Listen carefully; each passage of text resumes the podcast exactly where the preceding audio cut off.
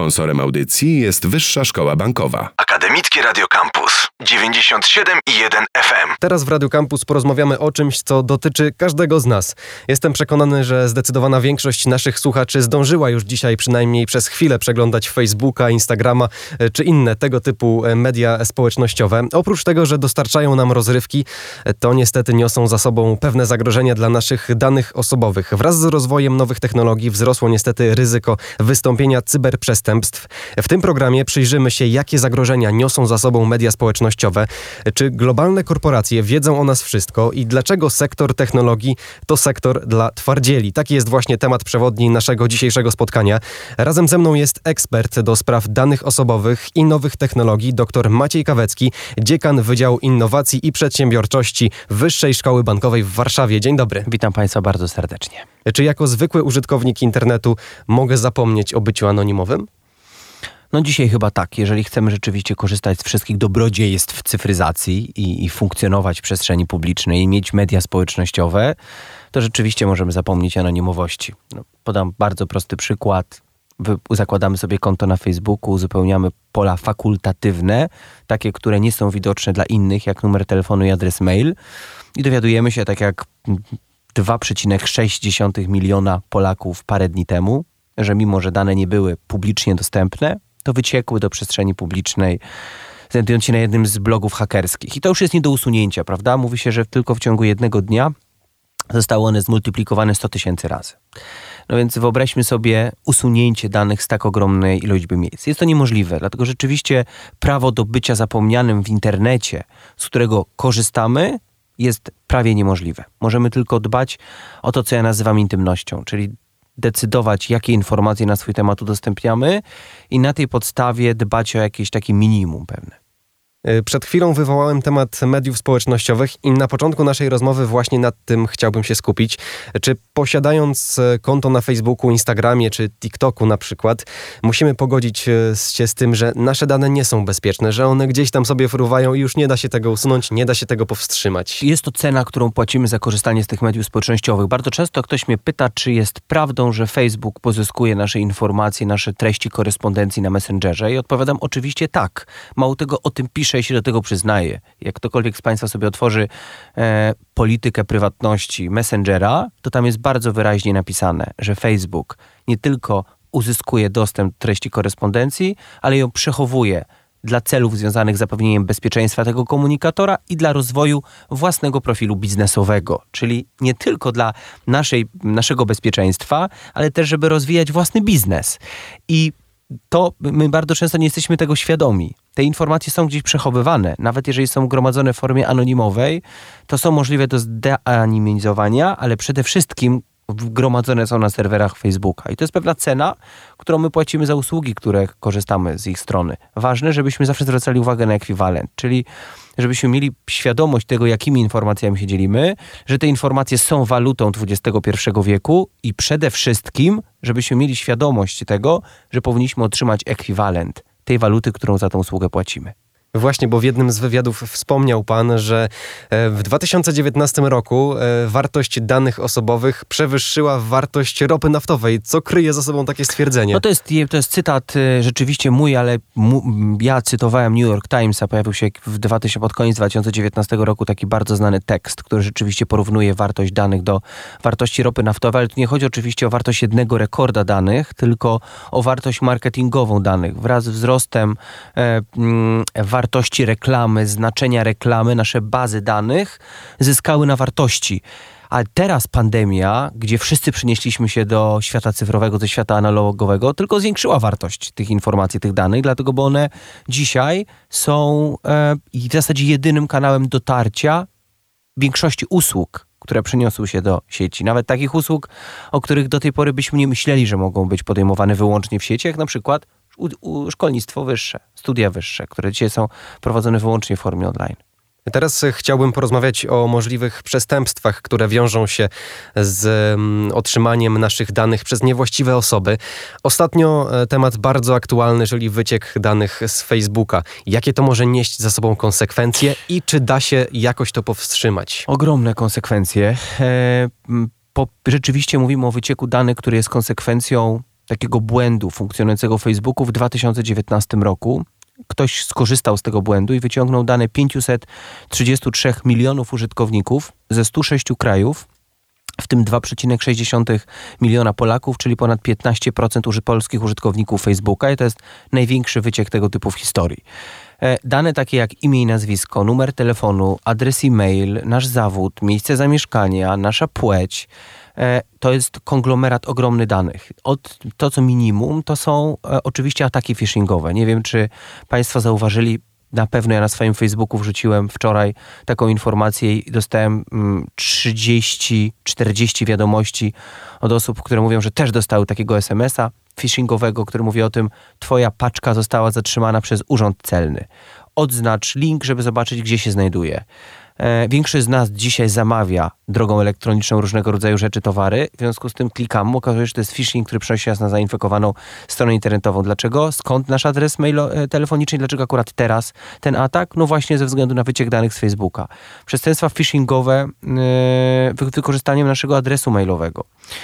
I to jest to minimum, co nas spotyka. I tutaj możemy dość łatwą receptę e, na, na, na tą chorobę znaleźć. Jest nią nie klikać linków aktywnych w ogóle.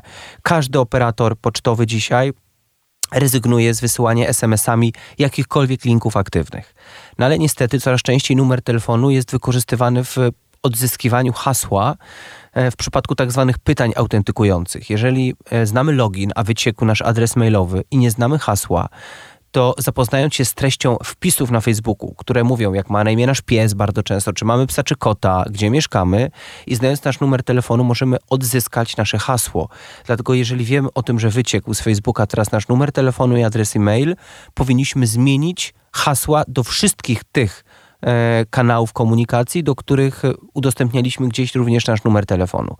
No a ta najbardziej daleko idąca negatywna konsekwencja to chwilówki. I ktoś by powiedział, przecież e, co ten Kawecki opowiada, przecież żeby uzyskać dzisiaj chwilówkę, to trzeba mieć, znać numer dowodu osobistego. Tylko pamiętajmy o tym, że większość firm chwilówkowych nie weryfikuje właściwości i autentyczności numeru dowodu osobistego podawanego we wnioskach. One są w zasadzie automatu udzielane. Weryfikowane jest imię i nazwisko, adres mailowy, ale nie jest weryfikowany nasz numer dowodu osobistego. I te informacje, które wyciekły z wykorzystaniem fałszywego dowodu osobistego są wystarczające. Dlatego tutaj kolejna wskazówka, żeby subskrybować alerty biur informacji kredytowych, które informują nas o tym, że ktoś próbuje na naszą tożsamość zaciągnąć kredyt krótkoterminowy. Zdecydowanie rekomenduję. I polecam Państwu strony internetowe, które potrafią zweryfikować, e, sprawdzić, poinformować nas o tym, czy nasze dane osobowe rzeczywiście wyciekły z wykorzystaniem e, e, naszego adresu mailowego.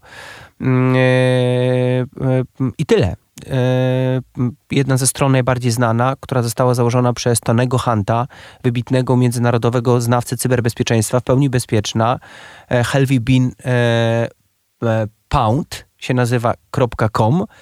Wystarczy, że wpiszą Państwo w Google'ach Tony Hunt i znajdą Państwo tą wyszukiwarkę. Ona pozwala, ona się opiera na 521 wyciekach danych, gromadząc informacje o 11 miliardach wyciekał, wycieków i informuje nas o tym, ile razy nasze dane wyciekły i z jakich źródeł. I czy ten adres mailowy, który udostępniamy, czy numer telefonu, który udostępniamy, weryfikując, czy wyciekł, rzeczywiście jest, y, padł ofiarą ataku. I to jest dla mnie podstawowe dzisiaj źródło wiedzy. Ja chciałbym jeszcze rozwinąć temat tego, jak unikać tego typu przestępstw. Czy są jakieś portale internetowe, które są obecnie bezpieczne? Czy, czy nie ma już bezpiecznych zakątków internetu? Nie no, znane, znane serwisy internetowe, te, które, te renomowane, mówię oczywiście o tytułach prasowych, one są bezpieczne. Natomiast jeżeli chodzi o komunikatory, czyli to, to jak się komunikujemy, no, no mamy Signala, który jest ostatnio silnie promowany przez Elona Muska, który jest bezpiecznym, dość bezpiecznym komunikatorem. E, mamy takie komunikatory, ale pamiętajmy o jednej rzeczy, że żaden komunikator nie uchroni nas przed tym, że adresat korespondencji, do którą, wy, którą prowadzimy, nie zrobi screena tego, co piszemy, prawda? I e, pamiętajmy o tym, że komunikacja elektroniczna nie jest komunikacją, która służy do przekazywania określonych pewnych kategorii treści, objętych tajemnicą lekarską, objętych tajemnicą adwokacką, objętych tajemnicą przedsiębiorstwa, czy po prostu zawierającą jakieś intymne rzeczy z naszego życia. Ostatnio widzieli Państwo serię ataków na polskich polityków. Rzadko bronię polityków, ale tutaj muszę ich obronić. Ostatnio się pojawił na stronie TFN24 fantastyczny reportaż, który mówi o tym, że większość ataków na polskich polityków, gdzie okazuje się, że zostały, były przejmowane media społecznościowe, gdzie na mediach społecznościowych trafiały gołe zdjęcia e, polityków po to, żeby tak zwane komproma, kompromaty, czyli wpisy, które mają e, w jakiś sposób obniżyć autorytet określonej osoby, w ten sposób e, naruszając bezpieczeństwo państwa, bo to są osoby publiczne, e, była adresowana, e, była adres, by, były, były tworzone przez grupę hakerską rosyjską, whistleblower. I to, to pokazuje, e, w jakiej skali społeczeństwa, z jaką skalą naruszeń dzisiaj mamy do czynienia. Czyli tutaj możemy powtórzyć to, co zawsze nauczycielki w szkole nam powtarzały, że w internecie nikt nie jest anonimowy. To jest prawda. E, ale też chciałbym zwrócić uwagę na jeden bardzo ważny aspekt naszego przebywania w życiu mediów, w życiu internetu, że e, też jesteśmy cały czas pod ścisłą ochroną pod względem naszej lokalizacji. Tak, no, nasza lokalizacja, nasza geolokalizacja jest y, dzisiaj bardzo prosta do zidentyfikowania. Ja podam prosty przykład w, w telefonu komórkowego, który mam teraz w ręce. Nam się może wydawać, że wyłączymy telefon komórkowy i jesteśmy niemożliwi do zidentyfikowania. No nic z tych rzeczy. Operator telekomunikacyjny, wykorzystując po, położenie wyłączonego telefonu komórkowego, względem określonych BTS-ów, czyli stacji bazowych, jest w stanie go zidentyfikować. A w mieście, gdzie tak zwanych BTS-ów, czyli stacji bazowych jest bardzo dużo, gdzie pola ich właściwości się na siebie nakładają, jest w stanie zidentyfikować położenie wyłączonego telefonu komórkowego z specyfikacją do jednego metra. I to pokazuje, jak, jak jest proste. No już pomijam oczywiście fakt takiego świadomego udostępniania naszej geolokalizacji aplikacją jak Uber, Uber Eats, Bolt, tutaj mógłbym wymieniać dziesiątki tych korporacji globalnych, dzisiaj gigantów technologicznych, którym dobrowolnie udostępniamy te informacje.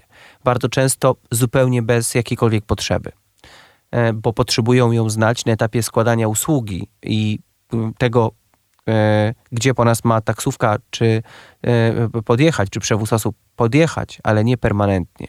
A my udostępniamy dostęp o naszej pełnej lokalizacji. To samo Google. Jeżeli korzystają Państwo permanentnie, są Państwo zalogowani na koncie Google, to tak mogą jak ja Państwo, teraz. tak jak na przykład Pan redaktor teraz, no właśnie, no to Google gromadzi informacje o, o, o Pana lokalizacji z dokładnością do jednego metra i są takie fajne strony internetowe, które mogą pokazać potem naszą pełną aktywność, czyli zobaczyć, jak się przemieszczaliśmy po mieście.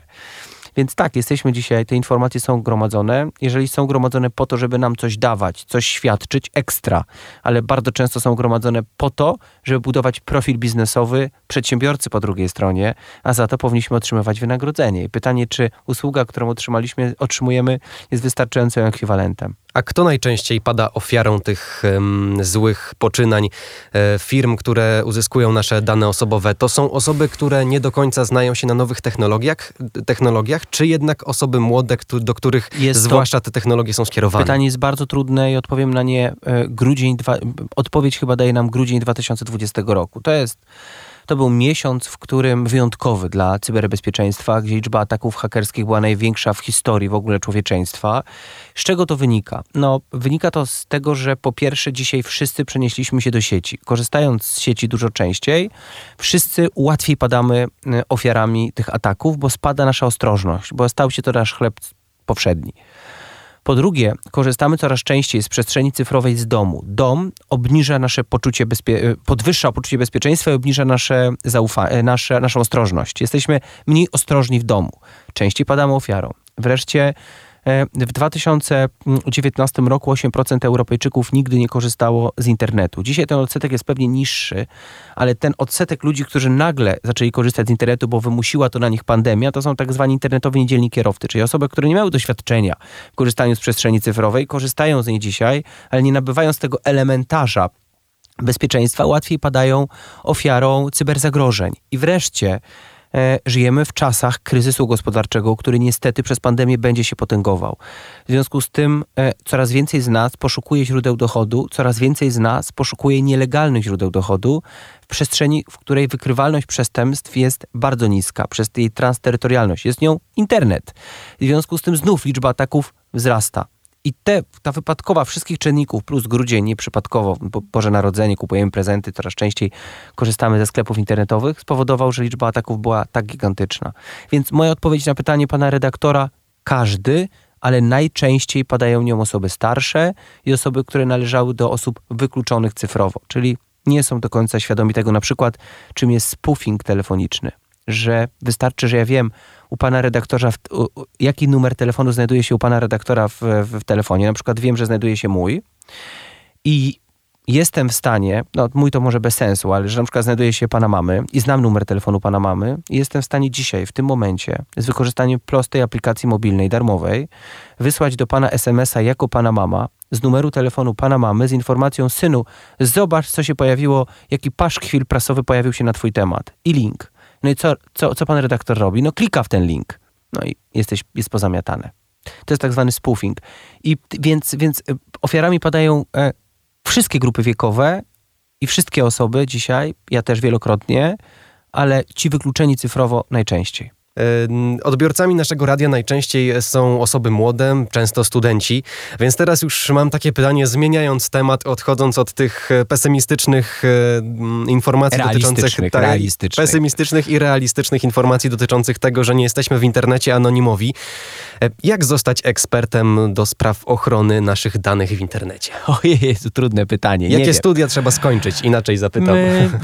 Gdzie to jest temat internet, cyfryzacja, nie ma, nie ma, nie ma granic granic, nie zamyka się w ramach jednych studiów, czy informatyki, czy prawa, czy prawa nowych technologii, czy cyberbezpieczeństwa. Oczywiście są studia na Politechnice Warszawskiej, na Akademii Górniczo-Hutniczej, Szkole Głównej Handlowej, e, na, u mnie na uczelni. Jest ich masa, które dotyczą e, cyberbezpieczeństwa.